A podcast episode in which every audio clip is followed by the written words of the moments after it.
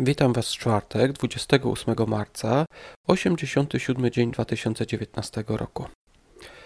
I zapraszam do wysłuchania kilku moich komentarzy co do rozdziałów, które mieliśmy do przeczytania na dzisiaj.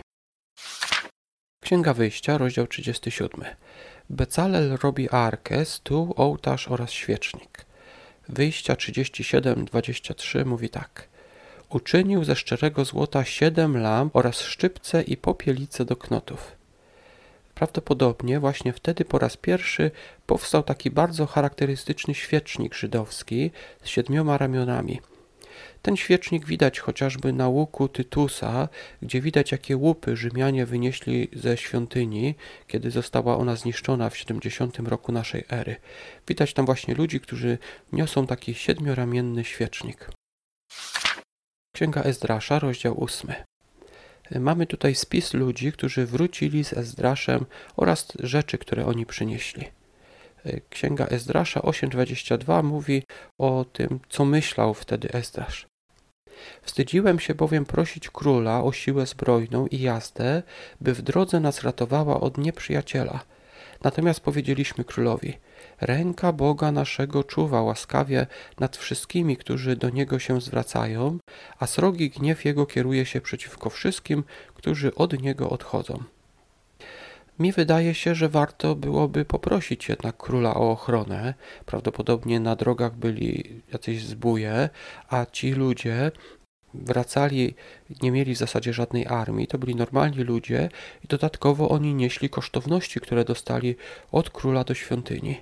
Tak więc ja bym chyba poprosił o ochronę. Ale my nie znamy wszystkich szczegółów. Może to, że Ezdrasz nie poprosił o tą ochronę, oznaczało, że król i jego dworzanie będą szydzić z Boga Ezdrasza. Być może on wiedział, że tak się stanie i z tego właśnie powodu nie poprosił o tą ochronę. Mateusza, rozdział 6. Dalej czytamy kazanie na górze. W dzisiejszym rozdziale jest głównie chyba o modlitwie i o bogactwie. Najbardziej znany werset to Mateusza 6:21, bo gdzie jest Twój skarb, tam będzie i serce Twoje. Ten werset zna wiele osób, był on na przykład cytowany w książce oraz filmie Pan Samochodzik i Templariusze. Ale co ten werset oznacza? Prawdą jest to, że tam, gdzie my gromadzimy swoje skarby, tam będzie nasze serce. Jeżeli na przykład inwestujemy nasze pieniądze w budowę jakiegoś budynku religijnego, to te pieniądze i ta inwestycja sprawią, że nasze serce też tam będzie. Gdy jednak nasze serce włożymy w coś innego, tam też będzie nasze serce. Tutaj oczywiście odniesiono tą regułę do tego, do religijnych rzeczy, że Jezus mówił, że inwestować swój czas, swoje pieniądze w sprawy religijne, bo to warto mieć niejako skarby zgromadzone w niebie u Boga, bo tam nikt nigdy nie ukradnie, ale ta sama zasada dotyczy się także innych rzeczy. Na przykład, jeżeli mężczyzna kupi kobiecie pierścionek zaręczynowy, czyli niejako zainwestuje w przyszły ślub z nią, jest większe prawdopodobieństwo, że będzie wierny tej kobiecie warto się zastanowić, gdzie my inwestujemy nasze pieniądze, gdzie inwestujemy nasz czas, bo to jest właśnie rzecz, bo nasze serce pójdzie właśnie tam, gdzie zainwestowaliśmy nasze pieniądze. Ta reguła działa w dwie strony. To znaczy, nasze serce jest na przykład u Boga, więc my inwestujemy nasze pieniądze w religię. Tak to działa, ale to działa też odwrotnie. Jeżeli my zainwestujemy nasze pieniądze w religię, nasze serce pójdzie za naszymi pieniędzmi. To samo też działa właśnie, jak już powiedziałem, w kwestiach romantycznych. Jeżeli zainwestujemy pieniądze w pierścionek zaręczynowy, to nasze serce też pójdzie właśnie w tym samym kierunku. Niektórzy nazywają to błędem logicznym i mówią tutaj o błędzie kosztów utopionych, ale tak po prostu jesteśmy zbudowani. I Jezus właśnie tutaj nawiązał do tej reguły. Psalm 75. Bóg osądzi niegodziwych pyszałków. Psalm 75, werset 11 albo werset 10 w innych przekładach mówi tak: I połamie cały róg niegodziwych, a róg sprawiedliwego się wzniesie. W tym psalmie kilkakrotnie pojawia się słowo róg albo zwrot podnosić róg.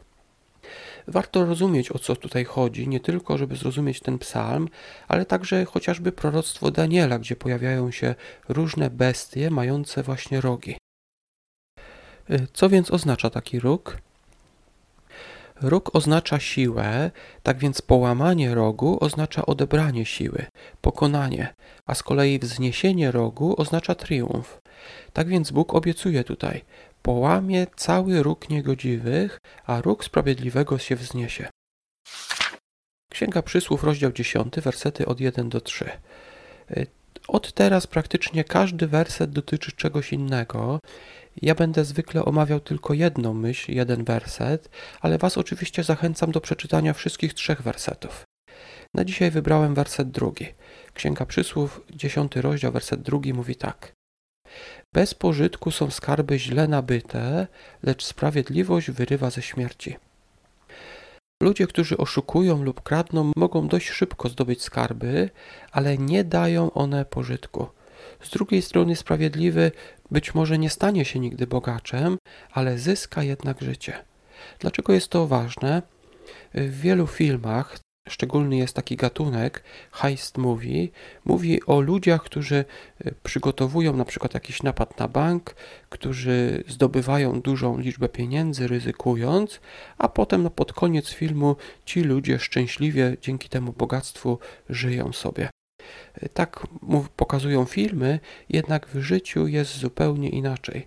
Zdobyte skarby wcale nie prowadzą, nie dają szczęścia. Szczęście daje sprawiedliwość i ta sprawiedliwość oczywiście też daje życie, które obiecuje Bóg. Dziękuję Wam za wysłuchanie. Zapraszam do kolejnego odcinka jutro. Do usłyszenia. Uczynił ze szczerego złota siedem lamp oraz skrzypce